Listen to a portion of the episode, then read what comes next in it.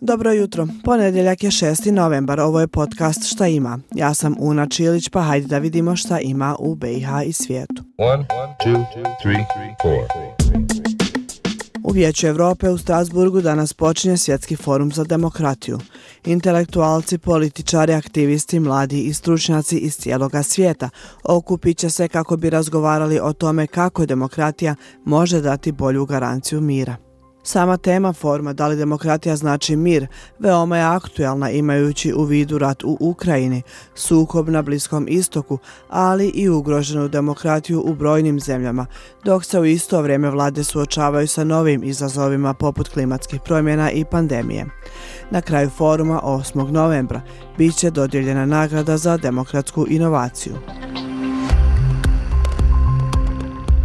U Mostaru se održava dvodnevna naučna konferencija pod nazivom Labirint medijske nepismenosti i prevencija izazivanja nasilja.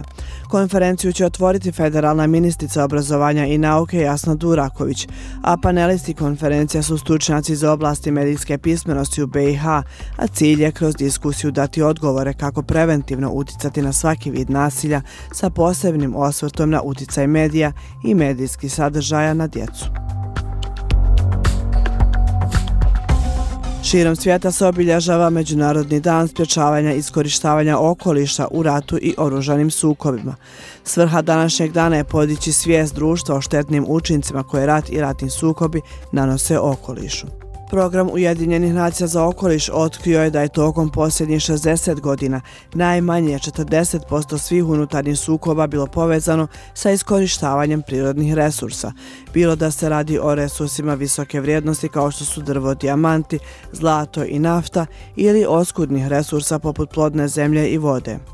Također je utvrđeno da sukobi koji uključuju prirodne resurse imaju dvostruko veću vjerovatnoću da će se ponovo pojaviti. One, two, three, four.